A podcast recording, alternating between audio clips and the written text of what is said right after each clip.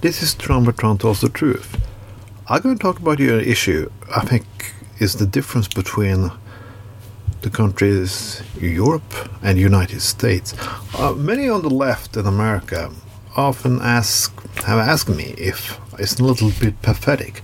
I can support uh, countries like United States and their imperialism, but now I'm so against Russian occupation and war in Ukraine. Well, let me talk a little bit about that because it's a little bit complicated. Smaller nations and middle-sized nations, they often have to deal with extremely big neighbors and extremely big partners who often want to have their agenda, show that they are the leading mighty country in the world. China does it, United States does it, France tries to do it, Great Britain fails to do it, and Australia, I don't even get started. My country has 5 million people. A lot of European countries are not big, they are small. So they cannot stand al- alone against a mighty enemy. They cannot even just, they are also dependent on other markets, trade with other people, working with other people, and so on and so on. Always small nations need a big partner, and it be so we have to do some choices. Who is the best and who is the worst? Because making marriages like this, you're not gonna get a perfect partner. I know what United States does.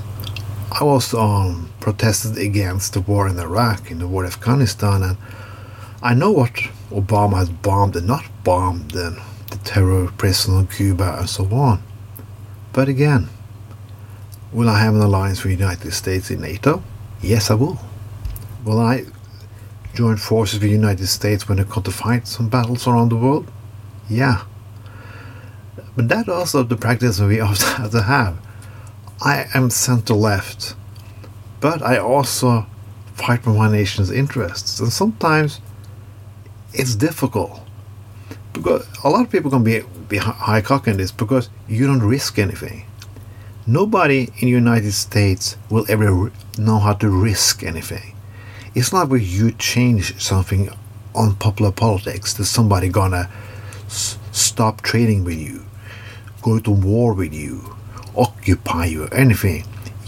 If we do it, if like we criticize in the United States too much, that had a lot of consequences for us, diplomatically and trade wise. That is the situation we are in. That's the situation a lot of other European countries are in. So we do we all we try to do our best. We criticize you, but do not criticize you too much. And we have to live with that. And I think it's perfect how to live with it. Because if we're not allies with you, well, I know that Russia will try to eat up other countries. It's not an exception that Russia saved us during the Second World War. Well, I talked about that issue before. They co- they made half of Europe up the communist part countries. They took a part of Finland, they took a part of Poland, and they took a part of Japan. They also did imperialism. Everybody does. Britain does. France did. So, well, then we sit here again, smaller nations with independence. What do we do? This is not a perfect marriage, but this marriage who works, and it benefits us and it benefits the United States. That's how it is. That's life.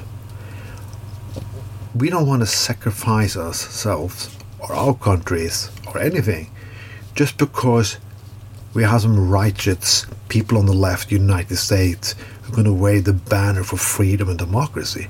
We don't. And that, that's difficult for you to understand. I know you're going to think it sound pathetic, but try to live here, try to have Norwegian citizenship. These days, we have a new discussion about NATO. Sweden want to join. They have a NATO debate in Finland. There, well, there's two small neutral countries in Europe, but now they're afraid. So what do they do? Do they do they think America is perfect in everything? No, they don't. Do they think the rest of Europe, NATO is perfect? No. Sweden have protested against NATO many times. What they do, but they don't also want to be swallowed and be a part of another country. So they make compromises. Compromises, this I have been talking about so many times in Trond Tells the Truth, is the way we do politics. This is how everybody does politics. You do it in marriage, you do in relationships, you do it with your friends. Some compromises can be hard to swallow. But it's better to swallow something than being swallowed by others. This was Trond with Trond Tells the Truth. Have a nice day.